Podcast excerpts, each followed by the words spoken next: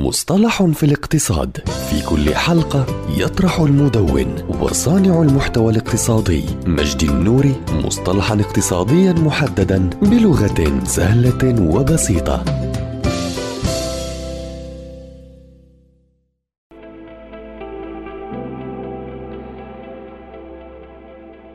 الاقتصاد الأزرق. هو مصطلح اقتصادي يعني استغلال البيئة البحرية والحفاظ عليها ويختلف تفسيرها من منظمة لأخرى حيث يعرفه البنك الدولي أنه الاستخدام المستدام لموارد المحيطات من أجل تحقيق النمو الاقتصادي وتحسين سبل المعيشة والوظائف مع الحفاظ على النظام البيئي للمحيطات. بينما وفي المقابل تعرف المفوضية الأوروبية المصطلح على أنه جميع الأنشطة الاقتصادية المتعلقة بالمحيطات والبحار والسواحل السواحل وتغطي مجموعة واسعة من القطاعات الناشئة والمترابطة. أما دول الكومنولث فتعتبر الاقتصاد الأزرق مفهوما ناشئا. يشجع الإشراف الأفضل على محيطنا أو ما يعرف بالموارد الزرقاء.